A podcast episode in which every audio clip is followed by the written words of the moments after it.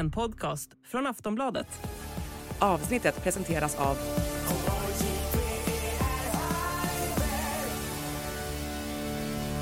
Stödlinjen.se, åldersgräns 18 år.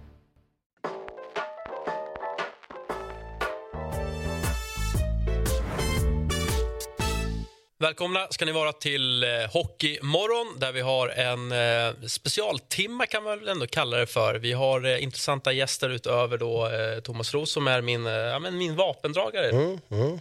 Precis, vi gör ju en eh, superbanding när vi håller på nu och sen för, för, fördelar vi under jul och nyårshelgen. Så är det. Eh, och vi har eh, både scout och agent på plats. Välkommen till dig Viktor, först och främst. Hur är läget med dig? Tack, eh, kul att vara här. Det är jättebra med mig. Snart jul. Eh, lite break från hockeyn här en vecka. Så att, eh, spenderar lite tid hemma med familj och barn och sådär. Så att, eh, det är prima. Viktor Nyblad ska jag säga också, hela Ja. namnet. kan vara Ja. trevligt. Eh, scout för Boston Bruins är din, eh, din yrkestitel. Ja, stämmer bra. Eh, och så har vi Peter, Peter Nilsson, eh, spelaragent. Ja, Välkommen hit. tack så mycket. Eh, om vi börjar med, med respektive hockeybakgrund. Vi kan börja med dig Peter. Vad, vad har du för, för bakgrund innan du blev agent? Eh, född och uppvuxen i Jönköping, eh, HV71, eh, genom ungdomsår och juniorår. Eh, hade något lärlingskontrakt där 2004. när Mm. Du HV får lite hjälp på traven här. Om du, Ja, om du glömmer årtalen så har vi Ja, en bild nej, på dig här och eh, din karriär. Precis, HV vann väl SM-guld 2004 va? om jag minns rätt. Eh, och då var jag väl i någon slags så här, lärlingskontrakt och var med, och, mm, ja, var med på träningsmatcher och försäsong och sådär. Sen var man ju för dålig helt enkelt och platsade inte i det där eh, truppbygget. Och var lite utlånad till Oskarshamn och sen så fick man söka sig vidare. Eh, Vad hände i, i Koko? Ingen Där- fight eller? Nej, men där bröt jag benet på sex ställen under en fight. Eh, och det väl brukar vara mitt första råd till killarna som jag representerar. Att Bryt gör inte benet. det. Det är otroligt dåligt eh, för karriären. Vad får man fråga vad som, vad som hände? En sån otäck skada. Ja, nej, men jag, jag for eh, in i sargen eh, med en kille ovanpå mig. Eh, så skenbenet gick rätt av och så fick jag fem eh, frakturer på vadbenet. Eh, så det var rehab i ett år ungefär. Och sen gjorde jag något försök till comeback mot läkarens inrådan. Eh, och Var det, något, smärtsamt. var det något eh, oschysst som hände eller var det en ren Nej, olyckshändelse? ren, ren Ja. eh, otur bara. Är, det någon, eh, är du hämmad av det än idag eller hur, hur det ser det ut? Eh, det piper när jag går igenom säkerhetskontroller på Arlanda. Det är det som händer. Jag har massa metall i benet, men ingenting som hindrar mig i vardagen. Det är inte. Eh, och, och resan då eh, från att du får lägga ner då, som Mm. du själv kallar för en någorlunda då, kanske medioker hockeykarriär till att bli eh, ag- agent. Mm. Vad Fanns det liksom planer på att bli något annat inom ishockeyn eller vad var det som lockade med hela agentprocessen? Men när man låg med gips från höft till tå eh, i ett x antal månader så fick man en hel del tid att fundera på vad man vill göra framöver och sådär. Och då äh, var jag inne på sports management. Eh, att det lockade väldigt, väldigt mycket. Äh, och då representerades jag av den agentur jag jobbar på idag. Så liksom började jag prata lite med min chef, eller nuvarande chef, om det. Jag utbildade mig i tre år, sports management. Och sen när jag var klar med det fick jag en heltidsanställning där 2010. Har jobbat med det sen dess. Mm, intressant. Mm. Eh, och, och Viktor, din eh, hockeybakgrund, om vi börjar med den. Hur ser den ut? Eh, den är väl ännu mer medioker. Har du, än ja, du har ändå en elitprospekt, fast det är väl mer som ledare misstänker jag. Ja, men titta, där har Ja, vi ändå Kälvesta där, 0809. En pinne ändå fick du ihop där ser jag. Fina Hässelby. Eh, ja, exakt. Det där är väl mot slutet när jag hade ju lagt av innan det där. Alltså, jag, men jag gjorde någon typ av... Ja, du gjorde fem poäng i din karriär. jag gjorde, exakt. Nej, jag, det var faktiskt så att jag ville gärna spela med min lillebror innan. Eh, vi hade alltid sagt det, eh, att vi ville spela ihop någon gång. Eh, så att han övertalade mig att vi skulle göra, göra comeback i de lägre regionerna. Så det gjorde jag ett litet tag innan jag slutade. Jag slutade spela, har jag för mig, när jag var 21. Eh, då hade jag spelat eh, på, eh, spelade ändå på elitnivå fram tills jag var typ 14-15 eller någonting. Sen flyttade jag till USA och spelade high school där. Sen kom jag hem och fortsatte spela här i Stockholmstrakten. Sen insåg jag väl någonstans att det här, jag är alldeles för dålig på det här. Och bestämde mig för att lägga av när jag var 21 för det tog fortfarande upp för mycket tid av mitt liv. Eh, även om jag älskade det så det var liksom så här okej jag måste göra någonting annat nu. Liksom. Uh, så då började jag ju studera. Så jag, gick, jag började studera till jurist på juristprogrammet här uppe på SU uh, eh, i Stockholm. Uh, och så gick det väl så sex månader ungefär efter att jag hade lagt av. Det, är ändå så här, jag kan inte, det var skönt i början. För man har lagt ner väldigt mycket tid och energi på ishockey. Någonting drog dig tillbaka? Det, det blev så. Jag kunde liksom inte... Jag kunde liksom, det, var, det, det var för stor del av mitt liv. Så jag började sakna det som tusan. Um, och då började jag fundera på vad jag kunde göra och började liksom snegla, ska jag bli coach, uh, agent som Peter eller scout? Uh, men jag fastnade ändå för scoutbiten. Jag har alltid varit uh, intresserad av eh, spelaranalys. Eh, vad är det som gör eh, en spelare bra, helt enkelt. Um, så att jag eh, tog en distanskurs på ett universitet i USA som handlade om, om scouting och eh, hur en general manager jobbar. Och examen på, det, eh, på den kursen var att intervjua en sportchef eller en scout. Så jag intervjuade Djurgårdens dåvarande sportchef Janne Järlefelt. Uh, så där, då har vi en gemensam eh, nämnare. Jaha, ja. Janne Järlefelt är ju min gamla eh, klassföreståndare. Ja, du ser. Ja, ja vad härligt. Ja, fin människa. Ja, absolut. Uh, och då var en ren slump när jag var där. Uh, då var Sven-Åke Svensson där. Som då var Europachef för Boston Bruins. Så vi introducerades för varandra uh, och han och jag connectade. Sen käkade vi lunch någon dag senare Sen började jag hänga på honom lite grann, eh, så här, som en lärling typ, i två års tid samtidigt som jag fortfarande studerade. Um, och sen efter två års tid av det, då visade det sig att Buffalo Sabres skulle ha en, en, en ny svensk scout. Ja, och här hajar man ju till. Eh, om jag, eh, min matematik stämmer så kliver du alltså in som vadå, 23-åring. Ja, exakt. Är det vanligt i den åldern att man får ett NHL-jobb som scout? Eh, det finns de som har eh, fått jobbet som ung. Eh, jag skulle inte säga att det kanske tillhör vanligheterna, men, men det finns de. Eh, när jag klev in, eh, då var det, då var det eh, lite äldre eh, snittålder på scoutkåren. Eh, men idag är det ju en hel del unga eh, som är inne, men kanske inte 23 år då, men, men absolut en, en, en yngre um, kår, om man säger så. Då. Ja, det är väl typ det då. Hur, alltså så här, att du ändå landar den typen av jobb i, vid den åldern. Eh, fanns det något läge där, de där första året eller två, att du kände att eh, det här har jag tagit med vatten över huvudet, det här är, det här är too much? Det känner jag fortfarande ibland. Eh, varje år när en ny säsong startar så undrar man, eh, hur kan jag ha det här jobbet? Eh, jag är ju klappkass. Men sen så kommer, eh, sen kommer hockeyögat tillbaka och hjärnan eh, börjar gå på högvarv och sen så eh, hoppas man väl att man kan göra ett hyfsat jobb. Eh, ja, det kände jag väl ganska tidigt, absolut. Eh, det är inte så lätt eh, att komma in som ung eh, i den typen av tjänst, tyckte jag. Det, det, är väldigt många människor som man hyser en otroligt stor respekt för som har väldigt mycket hockeyerfarenhet um, som man arbetar med. Stämmer min känsla att hela liksom, NHL-apparaten också är väldigt konservativ? Um, ja och nej. Uh, det är oftast ganska hierarkiskt. Um, så, men det är ju lite mer kanske den amerikanska kulturen. Det är inte bara NHL, utan det är så lite grann USA fungerar eh, som land. Vi i Sverige har väl eh, inte riktigt den. Um, så att, nja. Behöver man som agent ha liksom samma skarpa hockeyöga som en, som en scout har? Nej, det tycker jag inte. Utan vi är ju två helt olika roller. Sen är det klart att man kan ju en del om hockey såklart. Eh, men vår, vår byrå har ju egna anställda scouter till exempel som är specialister på det. Att hitta Eh, nya spelare, unga talanger och sådär. Samma sak som Viktor gör egentligen. Eh, Medan min expertis ligger egentligen i andra områden. Eh, men det är klart att man har, har ett hockeyöga, man ser en hel del hockey så är det hur, hur, hur mycket korsas respektive yrkesroll på vägen fram? Du menar hur jag träffar Viktor? Nej, inte Viktor specifikt, att- men alltså, eh, finns det ett samarbete mellan scouterna och agenterna eller är ni liksom lite på varsin kant? Och Ja, kanske men vi liksom... träffas ju jätteofta. Mm. Eh, och vi, vi rör oss på samma turneringar, på samma matcher. Och det är klart, ni har som scoutkår har en hel del frågor till oss agenter angående våra prospects och våra, hur de är liksom både på och utanför isen. Och vi delger ju er information som är viktigt för er för att ni ska kunna göra ert jobb i om en, någon som är skadad eller någon som ska ja, spela en viss match och sådär som de behöver ha koll på.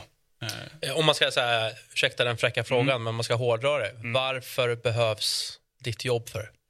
Men det är väl, alltså först och främst behövs ju vi för att flytta spelare från klubb A till klubb B. Det var ju så agentyrket kom till från första början och att spelare får dra nytta av vårt kontaktnät. Liksom. Sen har ju det, det där växt någonting otroligt och nu har man ju eh, alltså agent från att man är kanske liksom 15-16 år. Och det är klart, agentjobbet är ju något helt annat för, mot en 16-17-åring mot vad det är mot en 28-åring som ska byta klubb och få stora kontrakt. Mm. Eh, så att vi är ju med dem ja, i den bästa av världar i 20 år eh, och ser dem växa som hockeyspelare men framförallt som människor. Eh, och det är väldigt häftigt. Ur ett journalistiskt perspektiv, eh, Thomas, hur, mycket kontakt sitter du inne med olika scouter och agenter? Ja, men, eh, ni är ju jättenyttiga för, för vårt arbete att få veta hur funkar den spelaren, vad är den bra på? Vi kan ju inte allting, men, men jag vet ju att eh, scouterna, ni har ju en otrolig databank som, som ni har tillgång till med, med varenda 17-åring, 18-åring som ska draftas. Och, eh, hur bra är den? Vad är den bra på? Vad är den mindre bra på? Agenterna sitter ju oftast på nördinformation hos sina egna spelare, alltså vet exakt hur de funkar. Så de, de är ju, om jag vore sportchef i SHL eller Hockeyallsvenskan så skulle jag göra en stab av agenter och eh, scouter som hjälper en. Nu kanske agenter blir svårt för ni jobbar ju för spelarnas bästa men jag tycker att vi tänker lite fel i svensk hockey som inte, jag kanske främst med scouter, att ta hjälp av scouter. De har en oerhörd kunskap om om hockeyspelarna ute. Det, det är när man sitter med luncher på middagar med scouterna och hör om alla deras info de har om spelare. Det kan vara borta i Ryssland, eller Slovenien eller Slovakien. Det är, det är, det är uppslagsverk om, om duktiga hockeyspelare. Jobbar man mycket inkognito eller vet folk och spelare att du är på plats när du exempelvis scoutar en match i Europa? De vet nog inte att just jag är på plats. Eh, däremot är de absolut medvetna om att det är scouter där och tittar. Eh, främst genom de här gubbarna här borta, eh, agenterna. De, eh, menar, de, eh, mer eller mindre alla spelare som vi tittar på har ju eh, agent. Eh, och det är inte bara i Sverige utan det är liksom överallt. Eh, och de håller ju givetvis eh, sina klienter uppdaterade om, om saker och ting. Så att det, det, de är väl medvetna om det. Framförallt kanske om du är landslagsspelare. Liksom. Men ska så unga som 15-16-åriga eh, ha en agent? Kan det finnas lägen där ni som agentur säger att Nej, men, vänta liksom ett år till eller två år till? Det finns väl en mognadsprocess också hos de barnen då, tonåringar? Hur resonerar ni kring det? Jag, jag tänker att det finns ingenting dåligt med att ha en bra agentur. Eh, och råkar du ut för en, liksom en dålig agent, det är det klart, det är ju absolut inte bra. Eh, men du förlorar ju ingenting på att ha en bra rådgivare och en bra agentur eh, som har din rygg eh, i kommunikation med den klubben man är i och, och sådär. Och framförallt i att utbilda de här unga spelarna i vad som krävs för att bli en elitatlet idag. Eh, och som, som Viktor är inne på, de här topptalangerna, de har ju ja, hur många, alltså 20-25 scouter varje match de, är och eh, liksom de spelar. Och det är ju inte så lätt för en 16-17-åring att hantera det. Och där är vi en viktig del i att utbilda dem i det. Liksom. Hur mycket väger man in om du som agent eh, vet att det kanske finns två bud på, på bordet till en ung spelare. Du kanske vet att, eller du vet definitivt att det ena budet är bättre ekonomiskt men det andra budet kanske är bättre sportsligt för utveckling och så vidare. Hur gör man den avvägningen? Vad, vad ska du rekommendera? Det är ju såklart alltid en helhetsbedömning men det är klart ju yngre spelarna är desto viktigare är det sportsliga. Eh, för att man måste se det långsiktigt. Och att de, det är inte när de är 21 som de ska tjäna de men går det att övertyga då, säg en 17-18-åring som kanske får, vad vet jag, 100 000 kronor mer på ett annat bud, men du vet att det är bud nummer två som är sämre ekonomiskt, som kommer gynna din karriär på längre sikt. Det är alltid spelaren som fattar beslutet. Vi ger information och vi ger råd eh, så att han ska känna sig bekväm med att fatta beslutet tillsammans med sin familj. Eh, men det är klart att man inte når fram till alla, så är det ju. Men de flesta lyssnar ju, de har ju anlitat oss för att de litar på vår expertis. Och, och då, så de, majoriteten lyssnar, absolut.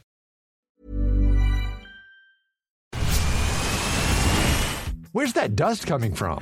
Still finding debris after vacuuming? Eufy X10 Pro Omni Robot Vacuum has 8,000 PA of powerful suction to remove debris deep in carpets. And it's totally hands free. Want to know more? Go to eufy.com. That's EUFY.com and discover X10 Pro Omni, the best in class all in one robot vacuum for only $799.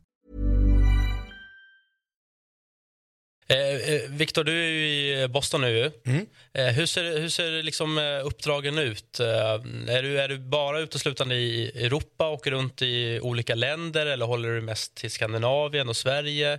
Eh, och, liksom, ta oss med på en normal arbetsdag. Du ska ut och scouta. Vad, vad är det som händer innan och under? Eh, ja, men vi tar den första frågan då om eh, liksom olika typer av scouter och sådär och vilka typer av uppdrag man har. Eh, I mitt fall så, så jobbar jag som Europascout så jag, har, jag reser i hela Europa. Du har några eurobonuspoäng kan man säga. Ja. Eller bonuspoäng ska Ja, det flygs en hel del, så kan vi säga. Det är, så, så mitt uppdrag är att köra hela Europa egentligen. Så jag tittar på alla länder, alla ligor, eh, juniorligor som seniorligor, överallt där det kan tänkas finnas eh, potentiellt intressera, intressanta mm, spelare för NHL-draften. Eh, där är jag och ska ha koll på det. Sen finns det ju eh, andra typer av roller. Eh, menar, du har ju chefscouterna. Eh, och det är lite olika hur många du har per lag. Eh, men, men chefscout har ju liksom ansvar över hela världen, inklusive staben eh, med scouter. Sen har du ju de som kallas för crossover scouts. Eh, de kör också hela världen, men är någon typ av support till scoutingcheferna.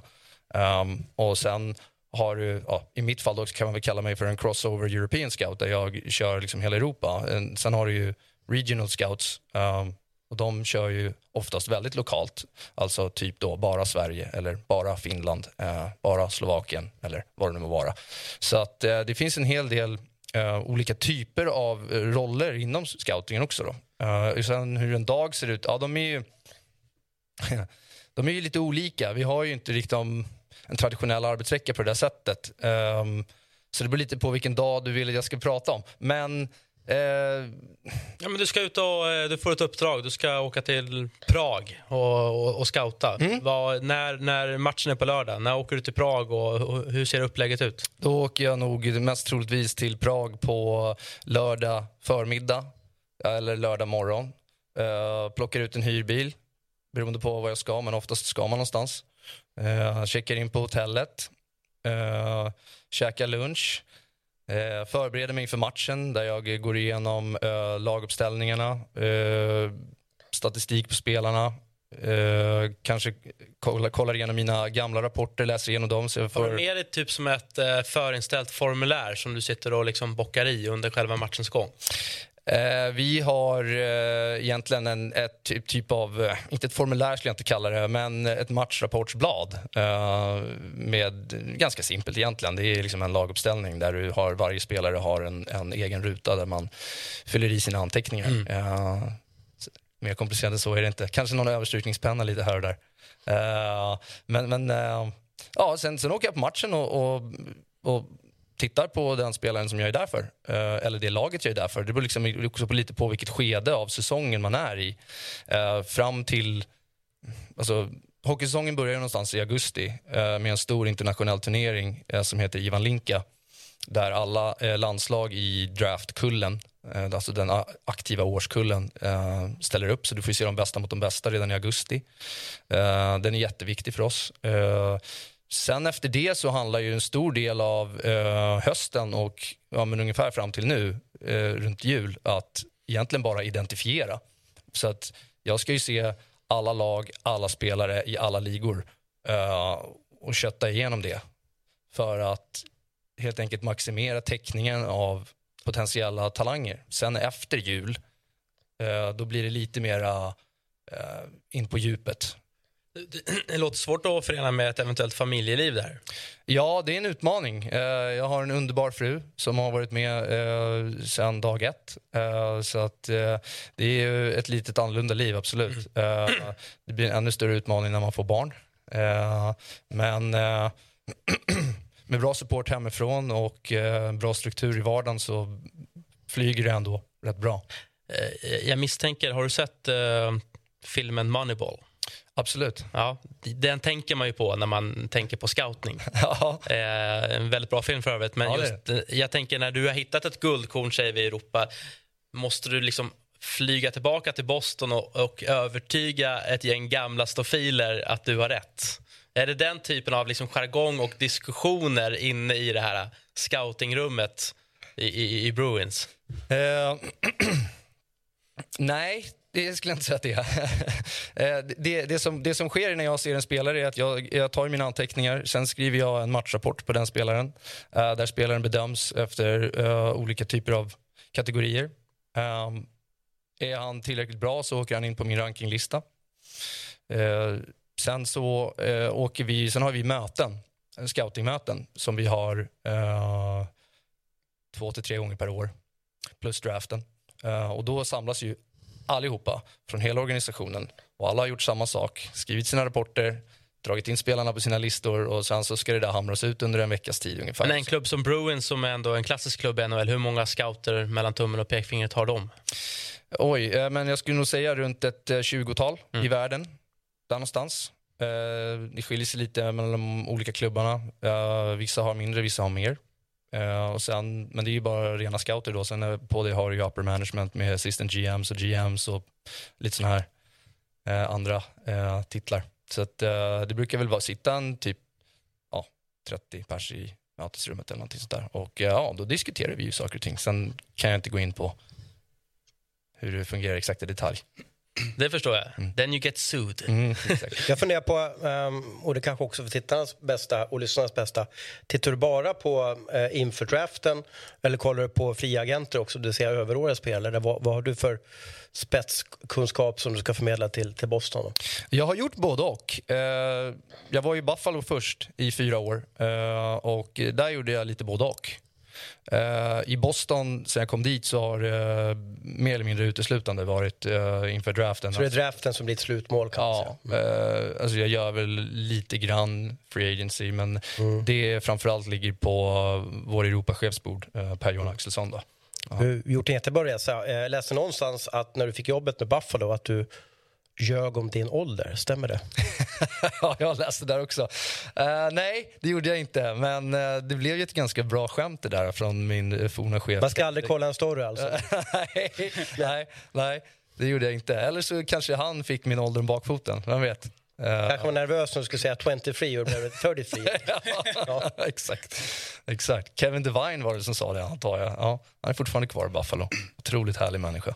Och när man har suttit ute på um, hotell efter matcherna och stått i, i ryttargången på Hovet sånt där, så är det underbart att höra alla scouters historier. När de, det kanske liksom blir lite, man lägger till lite ibland kanske, men jag har hört när Håkan Andersson hittade Datsuk borta i långt bort i stan i, i Sovjetunionen där. Och, och när Christer Rockström tjatade in Henrik Lundqvist till Rangers. Men vad har du för guldbit som du drar i, i loungen liksom inför de andra scouterna eller, eller polarna? Liksom, vad har du hittat för guldbit där ute? Eh, ja, vad har man hittat? Alltså, eh, först och främst så tar det ju ganska lång tid för spelarna att bli NHL-spelare. Eh, jag är ju fortfarande relativt ung i det här yrket, även om jag har gjort 12 år. Men det är inte så mycket ålder på vissa spelare. Spelare som jag är väl extra stolt över kanske att ha liksom framförallt över spelarna, men att ha varit med att uh, liksom draftat och sådär. Jag ser det ju som en jag ser det alltid som en team effort. Eh, det är inte jag som har draftat en spelare, eller det är inte någon annan heller för den delen, utan det är en laginsats och vi jobbar ihop. Eh, vi hjälper varandra att ta bra beslut. Sen är det klart så att eh, jag som representerar en viss region eh, kanske har sett den här spelaren oftare. Eh, ja, av naturliga anledningar som jag bor där.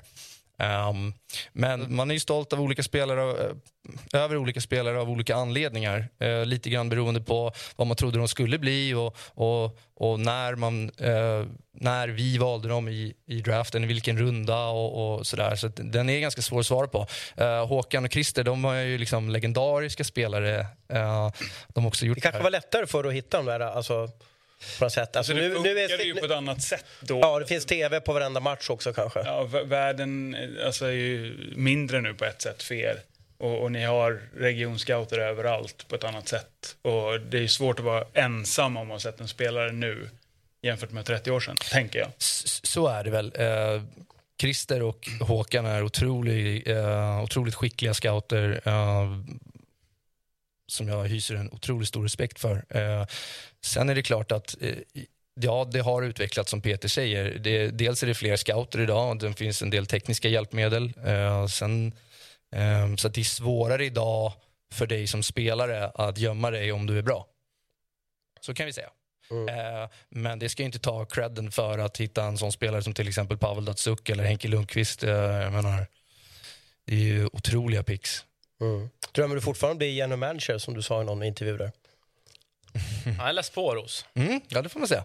Eh, jag inser för varje dag, varje år jag gör det här hur otroligt eh, smarta och kunniga eh, general managers är i NHL. Eh, så jag vet inte om jag har den typen av kompetens. Jag kanske får den en vacker dag, vem vet? Eh, är det någonting jag aktivt jobbar emot, eh, det kan jag inte säga att jag gör. Eh, jag försöker bara överleva år till år och eh, utveckla mig själv. Sen får vi se vad som händer om, om man får eh, ha ynnesten och fortsätta jobba med det här om ytterligare 20 år kanske. Jag tror ändå att Kekkeläinen och Alvin har ju liksom banat väg för att jag menar, eh, hockeyspelare har vi duktiga som är från Europa i, i eh, Nordamerika. Nog borde kunna finnas domare och även liksom genom match i framtiden också som kan liksom hel världens hockey. Liksom då. Ja, man vill ju hoppas det. Eh, jag tror att, absolut, jag menar Patrik och, och eh, Alvin då, och, och Kekkeläinen är ju liksom lite banbrytande på det området. Eh, vilket man som europé ändå blir ganska stolt över. Eh, så att eh, vi får se. Tiden får utvisa det helt enkelt. Eh, Peter, kring mm. agentvärlden då, hur ser det ut med, måste man vara licensierad? Hur är mm. konkurrensen i, i Sverige? Hur många är ni? Det är ju det svenska sp eh, spelarfacket som eh, certifierar oss agenter. Och jag tror att vi i dagsdatum är kanske 50, mellan 50 och 60 certifierade agenter som har den certifieringen. Eh, sen jobbar ju alla på olika sätt och man har kommit olika långt eh, och sådär. Eh, men det är ju en tuff konkurrens, så är det ju. men det triggar ju bara, det är ju bara kul. Från och med när, alltså åldersmässigt mm. för den som, ni, den som ni vill eh, få in i ert stall, när får ni liksom lagligt sett eh, eh, kontakta en, en talang? Eh, det är första januari året de fyller 16 år. Då får vi ta kontakt med deras föräldrar. Eh, så det, det verkar, brukar vara en hektisk tid för alla agenter eh, första veckan i januari. Eh, Men då innan första januari då har man misstänker listan klar redan, att man vet. Ja. Jag tycker det är lite synd Hur tidigt inte... kan du ringa den första januari? Det är ändå nyårsdagen. Jag brukar ringa vid lunch. lunch men jag vet att det är såna som hör av sig betydligt tidigare än så. Och jag vet att det är såna som hör av sig efter midnatt också. Men det är jag inte jag. Jag, jag skulle ju vilja att de här hockeygrabbarna som väljer hockeygym då, några månader innan du får kliva in kunde få ha ett bollplank och rådgivare. Jag tycker lite synd att ni kommer in lite kvart i tolv på något sätt. Mm. Jag tror att det, skulle sätta press på hockeygymnasierna mm. att de inte bara kan göra vad de vill med, med, med killarna och, och sen har de stirriga föräldrar som inte har riktigt hjälp där. Så att det, jag vet inte om det är möjlighet, men där skulle jag vilja justera systemet på något sätt. Jag förstår, och det, det har ju varit uppe till diskussion ja. eh, i Hockeysverige och även bland agenter. Jag förstår varför, jag förstår det. Eh, vår, det är ingen fråga som vår agentur driver, utan snarare i att kanske dämpa hetsen i form av val av hockeygymnasium. Att, klubb, att, ta, att klubbarna tar ett större ansvar mm. att följa de regler som de faktiskt har att följa. Precis som att vi har ett ansvar att följa de regler som vi måste följa. Och det vet vi idag att klubbarna inte gör och de tar kontakt med spelarna alldeles för tidigt. Mm. Och jag, så därför, jag, jag tror inte det skulle hjälpa så mycket att vi kom in i bilden tidigare. Jag tror bara klubbarna skulle skjuta det ännu längre ner i åldrarna då. Så, så jag tror att det, är liksom en, det blir en hets som går ännu längre ner i åldrarna. Och det, det, jag, jag, tror inte riktigt på det. Men jag förstår liksom själva knäckfrågan som du ställer. Mm. Jag, jag, köper det, men jag tror tyvärr inte att det hjälper. Hur funkar det i Nordamerika? När får man ha en rådgivare då? Eller vilken tittar de, de tittar ju halvt avundsjukt på det svenska systemet. Mm. För de eh, kontaktar ju folk betydligt tidigare mm. och det blir ju en ganska ohälsosam situation. Eh, hur ser eh, ersättningsbiten ut? Är det vanligast med en procent på lönen? Hur ser liksom avtalet ut mellan agenturen och spelaren? Mm. Är det över flera år? Kan det kan det sägas upp eller löper det bara vidare? Tittar du på avtalen som skrivs i Sverige så, så måste vi använda en, ett format som eh, spelarfacket har. Så att säga. Och, och där eh, kan spelaren och agenturen alltid bryta det på 30 dagar. Mm. Eh, så det är väldigt fördelaktiga kontrakt för spelaren. Eh, och hindrar kanske oss egentligen att bygga långsiktigt över tid med en spelare för att vi alltid har risken att... Så man kan bryta det på 30 dagars mm. varsel även om det har gått fyra år in i kontraktet? Ja, precis. Exakt. Eh, däremot har vi ju rätt att ta betalt på det kontraktet som vi har förhandlat eh, den tiden ut, så att säga. Eh, så, så är det. Och de flesta agenter tar ju då en procentsats på bruttoersättningen som man har förhandlat fram. Just det. Normally, being a little extra can be a bit much. But when it comes to healthcare, it pays to be extra. And United Healthcare makes it easy with Health Protector Guard fixed indemnity insurance plans. Underwritten by Golden Rule Insurance Company, they supplement your primary plan, helping you manage out of pocket costs without the usual requirements and restrictions like deductibles and enrollment periods. So when it comes to covering your medical bills, you can feel good about being a little extra. Visit uh1.com to find the Health Protector Guard plan for you. Klubbyten är något som fascinerar eh, fansen där ute. Och, mm. och jag funderar på vi hade ett program här med sportchefer så hade vi en, en årscykel där. Mm. Men upplever du att årscykeln har förändrats de sista tio åren? Oh ja. och här tittar vi lite på det. Eh, och, och sådär. Jag får en känsla av att kanske då svensk hockey går lite mot Schweiz. Att det blir tidigare och tidigare som, som alltså storfräsarna byter klubb i, i Sverige. Eh, Om man ska byta klubb. Ja, precis. Eh, både ja och nej. Jag håller med om att det blir... Eh, vi blir kontaktade tidigare av klubbarna nu mm. än för tio år sedan. Absolut. Och när är det? Är det pratar vi oktober då, eller? Eh, ja, september, oktober skulle jag säga. Mm. Eh, och, och, så, det var inte lika vanligt förekommande för tio år sedan. Mm. Och du menar du för en spelare vars kontrakt går ut? Då, ja, mm. precis.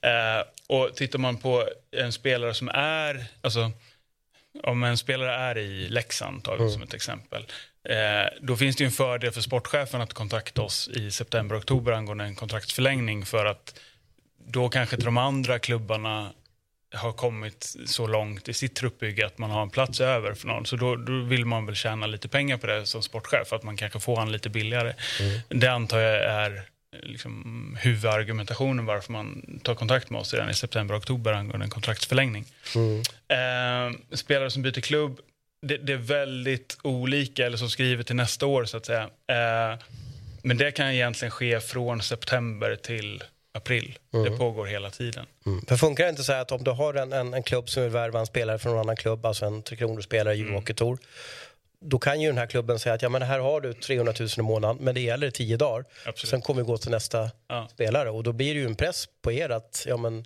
ska, vi, ska vi vänta och se eller ska mm. vi ta det här? Ja, oftast är det ju ett scenario som du har förberett din spelare på långt tidigare, mm. alltså inför säsongen. Att, om, om det här händer, hur tycker du vi agerar då? Vi, vår rekommendation är det här.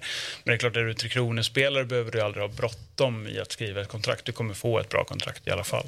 Det kommer mm. alltid finnas en plats för en Tre Kronor-spelare. Vad, vad, är snittlönen i, i SHL? Eh,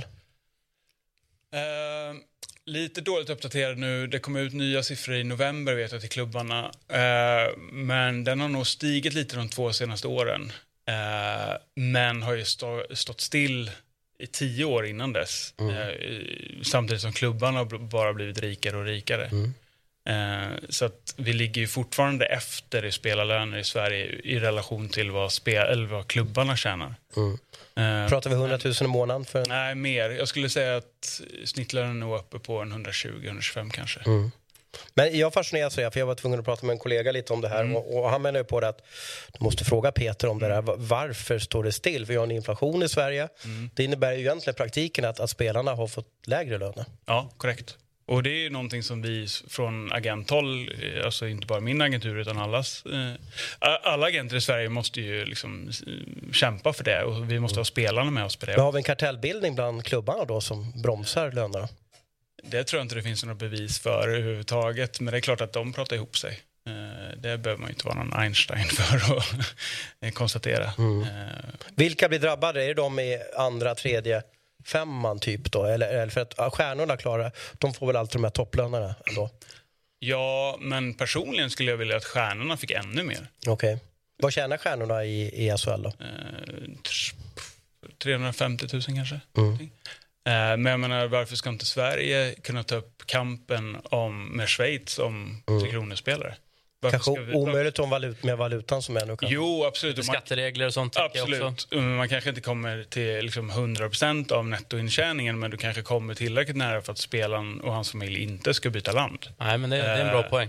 Och Så att, varför ska Sverige vara så blyga eh, kring det? Varför har man inte ett större självförtroende att vi ska vara världens näst bästa liga? Det, det förstår jag inte. Vad känner du inför nästa säsong då? Du säkert jobbar med massa förlängningar och spelare som byter klubbar. Tickar in ett nytt tv-avtal nu som, som ger klubbarna kanske 7-10 miljoner kronor mer per säsong.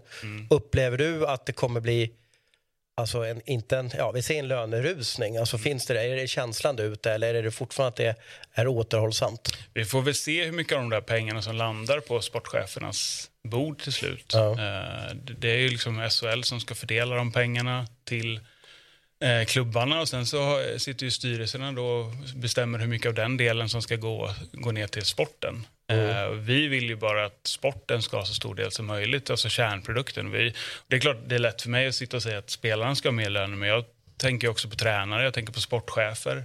Eh, alltså att de ska också ha bra betalt för att det är ett tufft jobb. De har Scouter. scouter. Äpp, äpp, äpp, äpp, äpp. 12 år i NHL. Jag, Nej, men man kan- jag, jag gissar att du, att du inte käkar knäckebröd varje kväll. NHL-scouterna går det ingen nöd på. Eh, men att man lägger mer pengar på den sportsliga organisationen. Varför ska tränare och materialare flytta till Schweiz? För? Det är ju helt galet. Det ska ju vara, Sveriges näst, eller det ska vara världens näst bästa liga. Då måste vi ha de bäst, Europas bästa tränare i Sverige. Re representerar ni eh, även sportchefer och tränare? Nej. Nej, bara spelare. Ja, mest spelare. Det är ett fåtal tränare, men, men i stort sett bara spelare. I Nordamerika är det vanligt att mediaprofiler har agenter också. Är du sugen? Ja, precis. Vi får fika efteråt här. Ja, precis. Men vad tjänar en, en agent då? Är det, tar ni procent av lönen eller hur funkar det? Av spelarens lön då? Ja, precis. Det går ju till, eh, i mitt fall då, vårt bolag. Så Ja. har jag ju en, en fast lön. Ja. så- Är, är det samma för alla agenter? Är det Siko som har styrt upp det där? Att man, är det samma procent liksom, om man är licensierad agent? Att man, Jag tror, jag vet inte vad de andra agenturerna tar ut, men jag kan tänka mig att det är ungefär samma. runt 3 procent eller vad är det för Jag något? hoppas att, de, att agenterna sätter mer stolthet i sitt yrke än så, än att Ja. ta 3 procent. Eh, man tar lite mer. För Vi kan otroligt mycket. Och, 3 till 5 hörde jag förr, men det kanske har förändrats. Ja, nej, men någonstans där, fem skulle jag säga. Mm. Eh, Viktor, eh, hur viktigt är det att ha liksom ett, ett gott och vasst eh, hockeyöga? Och vad är ett gott och vasst hockeyöga i din värld? Eh, ja, det tror jag. Jag tror att det är, eh, om du pratar om rollen som scout, eller? Ja. Eh, jo, jag tror att det är viktigt att ha ett så kallat hockeyöga. Eh, Kanske mer intressant att berätta vad, vad är det då? vad det är? Ja, det är ju lite av ett så här, uh, flummigt ord. Eh, om jag fick definiera hockeyöga så handlar det väl om att kunna se, eh, kunna se trender i spelet, kunna studera spelet, men också kunna studera spelare eh, och analysera. Alltså jag, jag brukar kalla det för spelaranalys. Alltså egentligen bryta ner en spelare i olika typer av beståndsdelar. Mm. Ja, man har hört mycket stories, bland annat när Jesper Bratt blev, blev draftad, att scouterna då, de såg ju han på isen. Men de var lite fundersamma över att han var så lite i växten, så då gick de och kollade på hans pappas skostorlek. För att kolla liksom hur lång skulle han bli och Här låter som en skröna. Men, Eh, hur, hur, hur, alltså ni kollar mycket på dem på isen, men hur viktigt är det att känna av dem under en lunch eller en, en liksom en, en, kanske nästan en golfrunda får att göra med hur slarvig personen, hur, hur, hur är han och ja, hur längdmässigt, hur, hur långa är föräldrarna exempelvis? Eh, vi gör, det vi gör när de är på isen är ju såklart en stor del av, av jobbet eh, och analysera eh, dem som spelare. Men det är ju också oerhört viktigt eh, vad det är för typer av personer. Mm. Vad har du för knep för att lära känna människan och inte hockeyspelaren?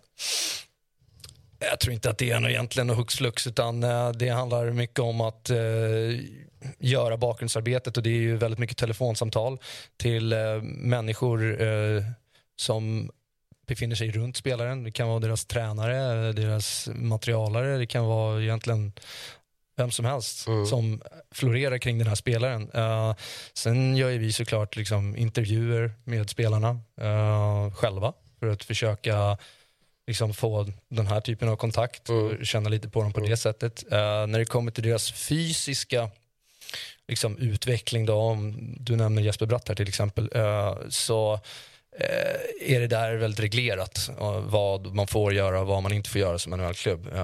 Så att, och det är, äh, även om du gör det, alltså det, det är svårt att, alltså även om du har gener på din mamma och pappas sida, alltså det finns ingenting som säger att personen i fråga ska bli lika lång ändå. Uh, sen kan det väl kanske med lite flax finnas någon typ av tecken som gör att det finns en chans kanske. Men eh, det, är, det är ett gediget bakgrundsarbete som tar upp väldigt, väldigt mycket tid och som betyder väldigt mycket. Eh, Hur mycket spelar det in? Då? Jag tänker du, du kanske hittar en, en supertalang, alltså sportsligt sett och så träffar du personen i frågan och efter en lunch bara, han är helt bindgalen. Alltså, har, har du fallit någon gång på det? Att, att, att du, alltså, det klickar liksom inte personligt, att du på något sätt kommer fram till slutsatsen att det här är en bra hockeyspelare men det kommer bli problem med de andra bitarna. Talang versus karaktär. mm, exakt. Eh, utan att gå in för det för... Kanske inte bindgalen, men Nej, jag förstår lite jag förstår jag, menar. jag målar upp ett scenario. Ja. Eh, vi, vi säger så här, utan att gå in på det för mycket då, för det kan lätt bli lite så specifikt, eh, så kan vi bara säga så här att eh, ja, det händer. Sen lämnar vi det där.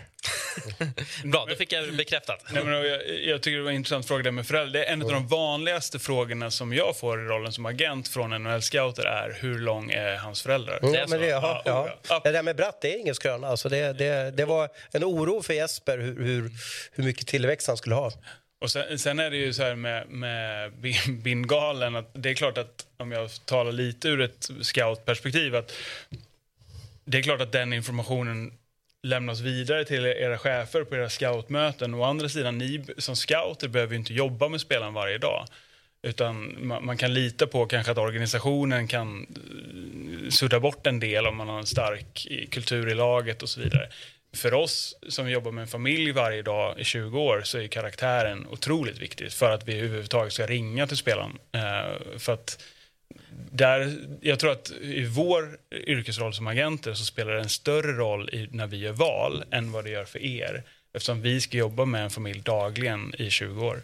Jag, jag tänker just det där med föräldrar, just när det är unga spelare. Jag jag har själv en bakgrund som, som eh, fotbollstränare för många ungdomslag i Stockholmsfotbollen och har sett min beskärda del av föräldrar Vet du hur det ser ut? på träningar och på matcher och folk som kommer fram och frågasätter varför deras åttaåring spelade eh, 14,5 minut när de andra spelade 15 minuter och så vidare. Och det är kommentarer och det är långt ifrån alla, men tyvärr en stor del. Jag kan tänka mig att den biten, när vi helt plötsligt pratar, nu är det ju pengar också inblandat. Alltså, du måste ha brottats en del med ett par föräldrar. Alltså. Men för oss handlar det mer om att utbilda föräldrarna. I, liksom, precis som vi utbildar spelarna i att vad krävs för att bli en elitidrottsman eh, så måste vi utbilda föräldrarna också i hur den här verkligheten ser ut. Har de ofta målat upp något form av liksom drömscenario som inte är realistiskt? Jag, jag får en känsla ibland av att det pratas väldigt mycket på läktare mm, föräldrar emellan och där olika sanningar sprids som i själva verket inte är sanningar. Och då är det ju vårt jobb att förklara för dem om till exempel hur en NHL-draft ser ut och hur scouter jobbar istället för att de själva ska tro allting de hör på en läktare från andra föräldrar. Så att utbildning tror jag på. Att prata med dem och, och lära dem också i hur de ska hantera sin sons eh, framgång och motgångar. Eh, det tror jag är jätteviktigt. Alltså det, det är ju en speciell värld, eh, elitidrott och kanske framförallt ishockey för att eh, vårt land, Sverige, är så himla duktiga på just ishockey. Och det är väldigt många föräldrar som har barn som kommer upp och kanske då får spela på högsta nivån som 16, 17, 18-åring. Eh, men där föräldrarna egentligen inte har, de har aldrig haft med elitidrott att göra. Eh, Nej, det är det jag tänker. Det är ju oftast Svensson Svenssons. Liksom. Så de har ju liksom typ självutbildat sig med andra föräldrar eller lyssnat på någon ungdomstränare då, vilket absolut ibland kan vara jättebra och ibland är det inte så bra. Sen får man ju aldrig glömma bort det att eh, som i mitt yrke då och även till stor del i Peters yrke så det handlar ju om, ofta om 17-18-åringar. Eh, alltså gå tillbaka till dig själv hur det var när du var 17-18. Eh, alltså, det, det, det händer ju otroligt mycket, dels fysiskt men också mentalt. Eh, de mognar som personer, alltså, också även över en säsong bara. Alltså, det är en jättestor skillnad på vissa spelare från när vi börjar i augusti tills vi avslutar med U18-VM i april. Alltså, Det händer ju grejer hela tiden med dem. Eh, så att, och det är därför det är så viktigt också att följa upp We love our pets, but when the floor is covered in fur, that's harder to love. Eufy X10 Pro Omni Robot Vacuum has powerful 8000 PA suction to make hair vanish from floors in just one pass. Plus, the roller brush has automatic detangling for easy hands free maintenance. Want to know more? Go to eufy.com, that's E EUFY.com, and discover X10 Pro Omni, the best in class all in one robot vacuum for only $799. Vilken är den vanligaste liksom, föräldrarmissuppfattningen, skulle ni säga? Oj, bra fråga. Eh, Vilken bil kan jag ta ut när min son blir NHL-proffs? Ja, exakt. Eh, det är killen som väljer, inte föräldern. Eh, men nej, men jag, jag, jag tror, när vi har en NHL-scout här så, så finns det ju många f, liksom fördomar, eller vad man nu säger. Eh, nej, så här säger jag. Det finns många som tror att vi kan övertala Viktor att välja deras son i en, i en draft. Och det är inte så det funkar. för att ni ser ju så otroligt mycket matcher så att det är ju spelaren som marknadsför sig själv genom att spela.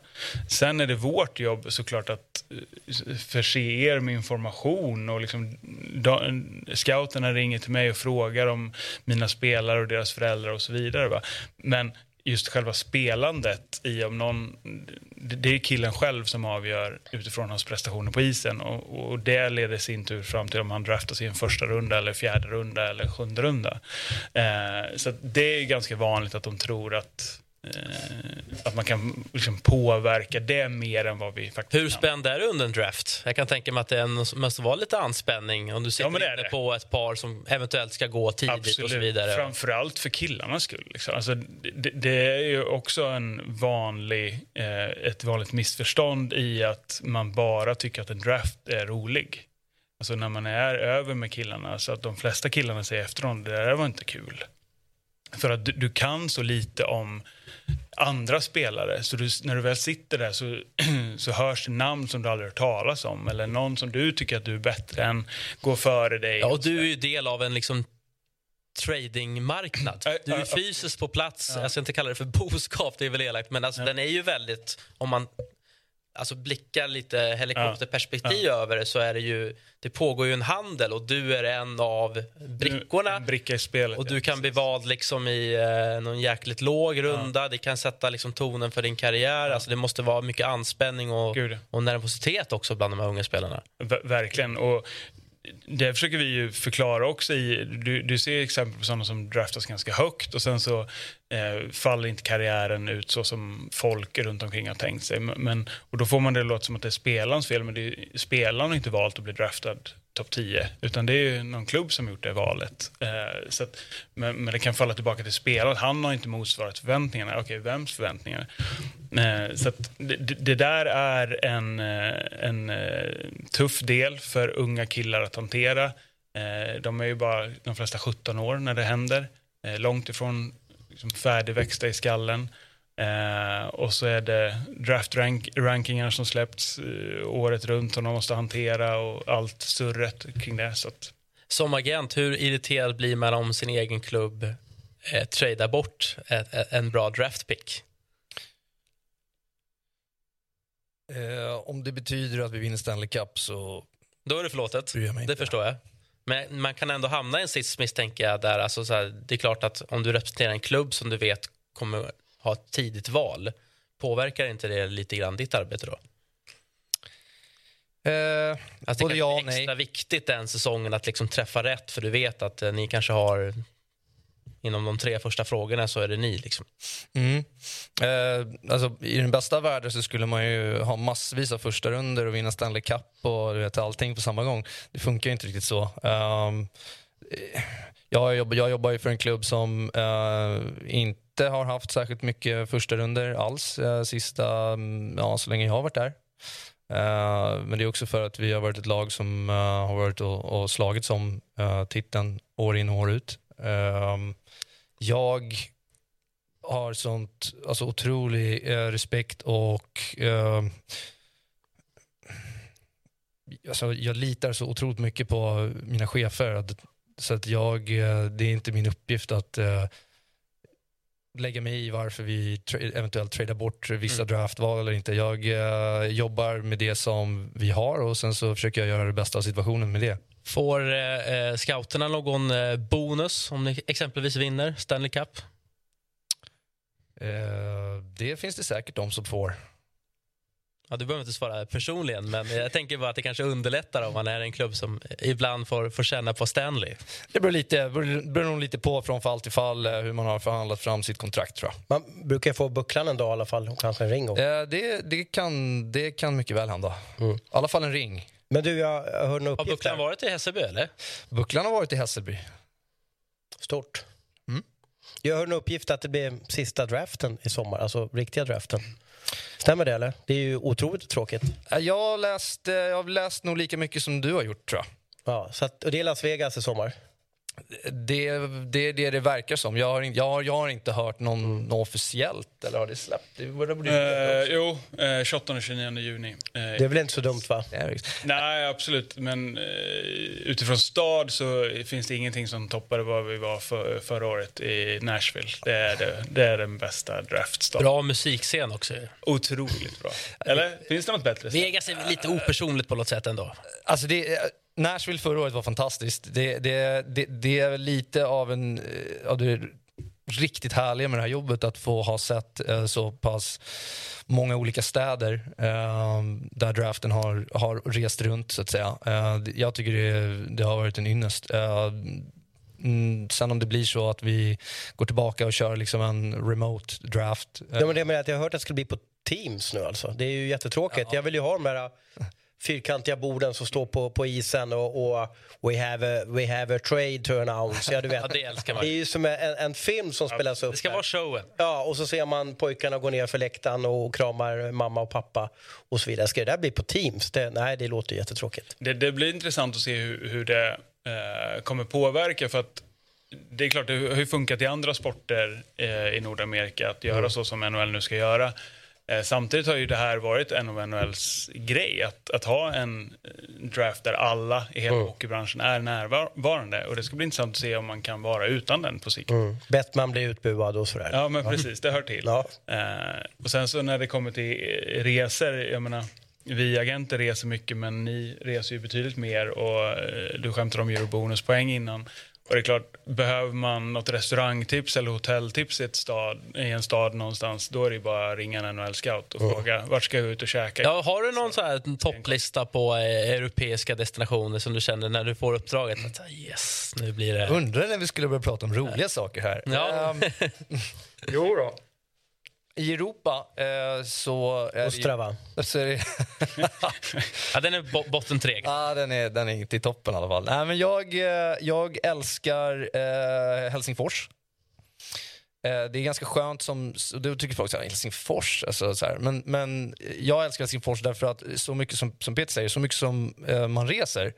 Så om man ändå ska resa så kan jag tycka att ibland att det är ganska skönt att komma till eh, Helsingfors därför att den påminner ganska mycket om dels om Stockholm, eh, där jag är uppväxt och bor, eh, men också eh, lite liknande kultur.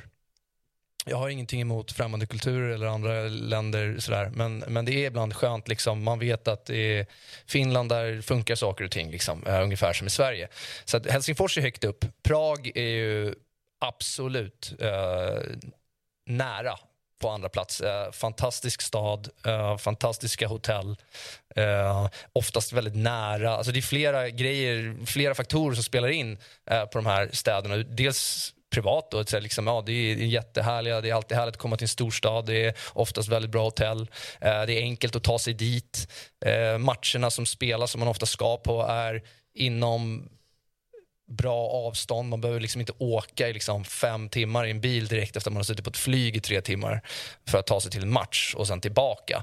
Utan eh, det, det, är lite mer behagligt och det finns som Peter säger, lite schyssta restauranger och sådär ofta. Så, så att, eh, Helsingfors, Prag, älskar även Bratislava i Slovakien. Mycket underskattad stad. Otroligt favoritstad till mig. Ja, otroligt mm, underskattad. Alltså, jag brukar säga det när eh, vänner och sådär, som, eftersom de vet att man reser så mycket, så oh, ska jag åka på en weekend i sommar? Så här, så här, Bratislava. Ja, håller med. Alla dagar i veckan. Men inte en vecka, en weekend. Perfekt, fyra dagars. Grym stad. Ja, eh, så den ligger högt upp. Eh, Sen är det alltid lite skönt att komma ner till kontinenten tycker jag därför att eh, det är oftast lite behagligare väder. Ja, men finns det eh, lite så här, kanske så här, ur eh, hockeytermer menat lite mer obskyra ställen som man kanske inte tänker Alltså så här, Prag givet såklart med hockeykulturen där, Helsingfors naturligtvis. Men finns det orter du besöker som man, så här, va? Finns det hockey och scouta här? Liksom? Eh, vad är det konstigaste stället man har varit på och scoutat en spelare egentligen? Eh, alltså man har ju hamnat på några sådana här uh, U18 eller U20 BVM. De går ju ibland på lite så här udda ställen. Uh, så där har man ju varit, typ, men det är inget, inga konstiga ställen i sig, men det är konstigt för hockeyn kanske. Men där har man ju varit i, jag var ju i uh, Tallinn till exempel. Uh, jättetrevlig stad. Men det är ganska populärt resmål för många svenskar också. Uh, jag, även för några år sedan så var jag i, uh, nu kommer jag bli slagen på fingrarna här, men Courchevel en alport i Frankrike. Liksom högt, högt upp i bergen. Där spelade de BVM. Uh, ehm, så, så det händer att man får åka lite sådana här, och det kan vara skönt ibland. Uh, men sen, jag menar allmänt, som om man bara tittar på land, liksom, då är ju Schweiz helt underbart. Alltså det är magiskt alltså jag förstår att det finns mm. spelare. Mm. Som Men som vi säger här i Hockeymorgon, det har blivit dyrt i Schweiz. Det har blivit dyrt i Schweiz uh, och uh, ja, det stämmer. Det är också ett bra land. Det, ja, det är fantastiskt. Så, sen har vi fått under senare år här så har det blivit en, en hel del Tyskland eftersom Tyskland har haft en del spelare så har den marknaden ja, poppat upp lite grann. Så att då får man åka en del till Tyskland och där finns det också en hel drös ställen att undersöka. Uh, och titta på. Så att det, det, är ju, det är ju en av uh, perksen med jobbet, helt klart. Att få, få se väldigt mycket olika ställen. Jag kan ge dig listan. Jag har ju åkt runt många år i Tyskland som Bundesliga-kommentator. Ja, eh, Köln, Düsseldorf, München. Köln, Düsseldorf, München. Ja. Mm. Jag har inte varit i Düsseldorf. Uh, älskar Köln, älskar München. Vi får döpa om det här programmet till När och fjärran. Ja, exakt. Ja. Berlin är bra också. Uh, så, så nej, det finns en hel del ställen. Um, gör det. Men, men Finland är sån där, framförallt Helsingfors personligen en personlig favorit. Mm. Eh, Peter, kan vi släppa ut ett nummer efter programmet? ja, Istället för att man gå in på Tripadvisor så mässar man till dig. ja, ja. Bra exakt. Ja, Peter brukar mässa mig ibland när han ska någonstans. Restauranger är Viktor jävligt bra på. Ja. Jag brukar säga det. Om jag vore lika bra på att scouta hockeyspelare som restauranger då skulle jag vara jävligt bra. Alltså. du, eh, Peter, hur, hur viktig skulle du säga, eller inte viktig för den delen, eh, är TV-pucken för dig? Ja, inte så viktig. Eh, den är viktig så att det är många spelare på samma plats under kort tid. Eh, men det är tre dagar av tio månader som vi scoutar eh, spelare. Så att den betyder lika mycket som vilken annan hockeyvecka på året som helst mm. för oss. det är bara att det är lite som eran Linka Gretzky Cup, att de bästa möter de bästa på, på samma ställe under samma turnering. Det är klart att det, det gör ju någonting. Eh, men till syvende och sist det är bara en veckas hockey. Liksom. Och gruppspelet i tre dagar och sen finalspelet i tre dagar. Det är sex dagar på eh, 365 dagar, så att inte mer än så. Men en häftig upplevelse för killarna såklart. Ja, det Och då kan väl jag eh, kommentera där också. Jag tycker ändå att det är viktigt eh, att... För jag har aldrig tittat eller brytt mig ifall en spelare har spelat TV-pucken eller inte. Alltså det är för mig or, alltså, irrelevant. Mm. Ja, men den diskussionen har vi haft ofta här. Ja, den brukar poppa upp ju, Ja. eh, även i hela Sverige, typ varje år när det är dags för TV-pucken. Eh, så att eh, för mig, TV-pucken kanske lite mer ett... Uh, något typ av... Uh, alltså man... man uh, TV-pucken är, jag ska inte säga ett bevis, men det är liksom, det är någonting så här, uh, var är spelarna här och nu? Mm. Det betyder inte att de är där när de är 18 eller 25 eller... Så. Så, så, ser jag lite grann på TV-pucken. Det, det är ju fint sagt och jag, jag, jag älskar att göra de här Filip Holm-berättelserna som, som inte kommer med på Hockeygym eller TV-pucken och så vidare. Men, men kollar man på statistiken, kommer med TV-pucken så har man chans att komma in på nationella hockeygym. Kommer man in på nationella hockeygym så syns man på den stora scenen. Kommer man in på RIG, alltså regionala hockeygymnasierna, ja men då tror inte ni tittar på dem lika mycket. Eh, och sådär. Så att statistiken ger ju att, att kommer du inte in på hockeygym och få hockeygym är ju nästan eh, TV-pucken ett måste. Då har du, alltså du måste vara skitduktig för att ta det väldigt långt inom hockey då. Ja, eh, absolut. Du, du har ju såklart en poäng i det. Och, och, men en viss del i det är ju att hockeyn har så få utövare. Så, så att det blir ju på något sätt så ändå att det finns många bra hockeygymnasier i, i, Sverige idag så att de fylls ju på med, det finns inte så mycket spelare över på något sätt ändå som håller en viss nivå här och nu. Men, men det, såklart har du en stor poäng i det du säger att, eh, och det märker man ju när man pratar med, med klubbar eh, när de tar in spelare till hockeygymnasium att har inte spelaren spelat TV-pucken så sållas man lätt bort. Eh, och det är ju jättetråkigt, absolut. Och där hoppas man ju att klubbarna vara ännu mer noggranna i att inte bara liksom titta på en blankett i om spelarna har spelat TV-pucken inte, utan faktiskt ha tid att titta. Men då kommer vi tillbaka till det som vi var inne på innan, att pengar till den sportsliga organisationen, att eh, men, se till att anlita en scout då, eh, som jobbar med heltid för Brynäs eller Skellefteå eller vad det nu kan vara. Så att man faktiskt in, kan skippa i den här blanketten utan faktiskt se spelarna själva. Tror ni inom ishockeyns värld att det kanske kommer gå lite mer mot fotbollen, att vi får se lite mera saftiga övergångssummor och, och den typen av avtal? Menar du i SHL då? Nej, men överlag. Liksom, eh, ja, svensk hockey i synnerhet såklart. Men Vi hade ju det, jag flikar in här lite, eh, jag jobbade på Aftonbladet på den tiden när eh, SHL, eller Elitserien på den tiden, var ju en kartell. Eh, och då bestämde man ju vad en spelare skulle kosta när man, man bytte klubb. Men då var det ju eh, en advokat för detta agent som, som, eh, som stoppade det och såg till att det, det bröts. Så att eh, övergångssummor i svensk hockey är ju förbjudna. Sen kallar man ju det för när man går från Hockeyallsvenskan till, till SHL för någon typ av utbildningsersättning eller vad man nu kallar det för. Så att övergångssummor är ju förbjudet. Det, det är mitt svar på det. Sen får ni ta er take på det hela. Ja, jag, jag tror inte att inom en snar framtid att vi går åt fotbollshållet.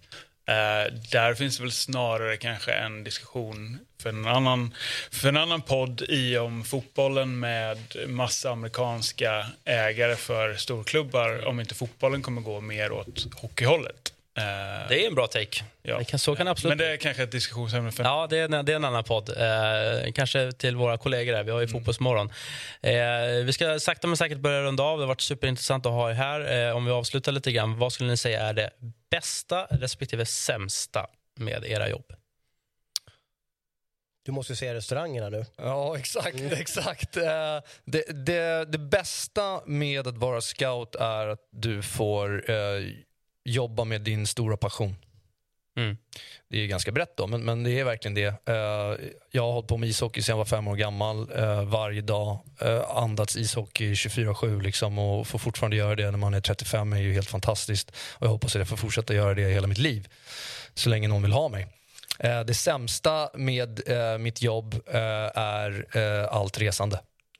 Och det är inte, alltså, det är inte resandet i sig utan det är snarare tiden hemifrån, eh, nära och kära. Att inte kunna ha ett normalt eh, socialt umgänge under säsong, typ eh, nio månader om året. Eh, Hur snabb är du i säkerhetskontrollen och hur stor är irritationen mot de som inte är lika snabb som du själv? Hur kan du ta upp laptopen nu? det finns, eh, det finns, eh, det finns, det där, det där ser man, läser ju, ser det där ganska fort. Jag vet inte eh, om ni har sett filmen Up in the air med George Jo. Clooney. Eh, den är ganska träffsäker på egentligen allt som har med resor att göra. Eh, väldigt träffsäker. Jävlar vad irriterad man blir, jag reser också en del, när man ser folk, alltså, att de inte har förberett sig. Men Arlanda har tagit nästa steg där. Nu behöver du inte plocka ur Ja, datorn. vilken dröm. Arlanda har blivit väldigt, väldigt bra. Eh, Helsingfors, har ju, Helsingfors har ju det där också nu. Eh, de hade det till och med innan Arlanda. Eh, mycket, mycket bra. Men har det inte hänt att du, du flyger ner till Prag, tar traktorn till Ostrava, ska kolla på en gubbe, sjuk? Vänder du liksom klacken i dörren där då eller så här, jag får se matchen ändå? Eh, det, det, det händer. Det händer oftast inte. För att man, eh, har, man försäkrar sig om att, man försöker försäkra sig om så gott det går att okej, spelar spelaren. Det är det första. Eh, sen, sen kan ju saker och ting hända ändå. Det, det har absolut hänt att jag har åkt till ett ställe för att scouta en eller två specifika spelare, framförallt en då ibland. Eh, och sen så liksom, jag har inget val, jag måste ta ett morgonflyg dit. Eh, och jag hörde, sista jag hörde igår kväll klockan 22.30 var att nej, nej, nej, han spelar. Eh, och sen så landar man i Prag och så har man massa missade samtal från diverse folk och så säger nej, nej, nej, du vet, han vaknade upp sjuk i morse, han har feber, han spelar inte. Okej. Eh, ja, det händer. Men då är det ju bara att vända på klacken. Då är det direkt eh, boka om nästa flyg, boka av hotell, boka nya hotell. Ja, du av lämnar inte flygplatsen då? Utan då... Nej, alltså, händer det på det sättet så nej, då, då är det, det är bara att försöka göra allt du kan för att ta dig till nästa stad nästa match. För att, eh, även om en hockeysäsong är lång så eh, tro mig, tiden är ganska knapp. Eh, går du boom på spelare eller som du ska se, då måste du trycka in dem i schemat någon annanstans. Eh, och då är det, det blir liksom en dominoeffekt. Eh, men generellt sett, där är ju liksom agenterna till stor hjälp. Har Kan man- messa och fråga lite. Fråga. Exakt. Eh, försöka få någon typ av uppdatering. Sen, är, sen det, det, det som stör oss ganska mycket eh, i Europa är ju att det är många spelare som hoppar mellan A-lag och J20-lag. Och där är, det är ju ibland eh, riktigt eh, stökigt. Jag kommer ihåg en rolig bild från Leksand för något år sedan här när det var hela läktaren där mellan pressläktaren och där man käkar korv bakom där och är fylld med NL-scouter. Det här var kanske i februari-mars när, när ni oftast får besök från Nordamerika. Så att eh, Boston kanske har fem personer på matchen för att många ögon ska riktas mot, mot Bichel då. Och så blev han struken.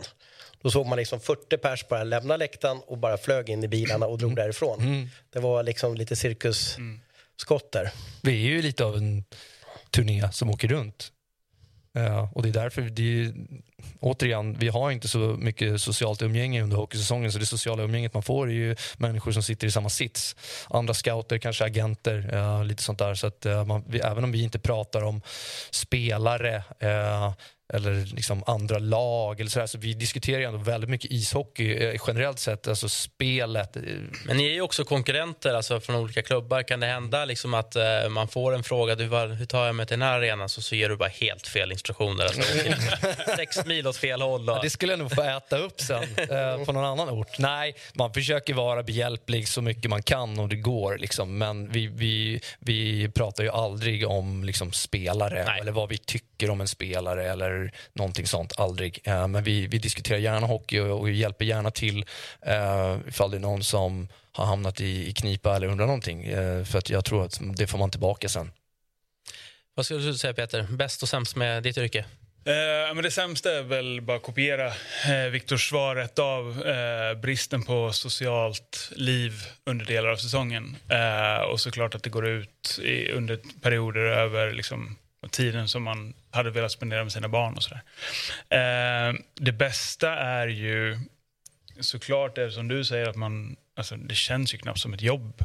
Eh, att man har aldrig liksom någon måndagsångest eller sådär i att nu börjar en ny arbetsvecka, utan det är hur kul som helst. Men för att addera någonting så är det ju eh, komplexiteten och eh, kontrasterna i att stå en fredagkväll på Ritorp och frysa fötterna av sig och kolla på någon J18 eller J20 fight för att eh, några dagar senare vara i en NHL-arena och se på sina klienter där. Så den kontrasten tycker jag är hur häftig som helst för att det är hockey fast på, på helt, i helt olika världar. Det tycker jag är häftigt. Intressant. Eh, Jag måste säga efter den här timmen att jag, jag är sugen på att både bli scout och agent. Faktiskt. Ja. Första hybrid, hybrid, eh, scout då. Hybridvarianten kan jag tänka mig. Ja. Eh, Det var jäkligt kul att ha det här eh, och spännande att lyssna till era stories. Eh, Jag hoppas att våra vägar korsas igen. Ni kanske kan komma tillbaka framöver någon gång. Eh, Så ska vi snacka mer om eh, agenter och scouter. Det är dags att runda av, Thomas? Ja. Jag kämpar på bra idag. Du. Ja, vi syns ju på JVM också, ska jag. Det gör vi. Absolut. Absolut. Tack för att vi fick komma. Ni var så välkomna. Tack, Stort tack. för att eh, ni också eh, valde att titta eller för den delen lyssna. Mera Hockeymorgon kommer till er också eh, senare.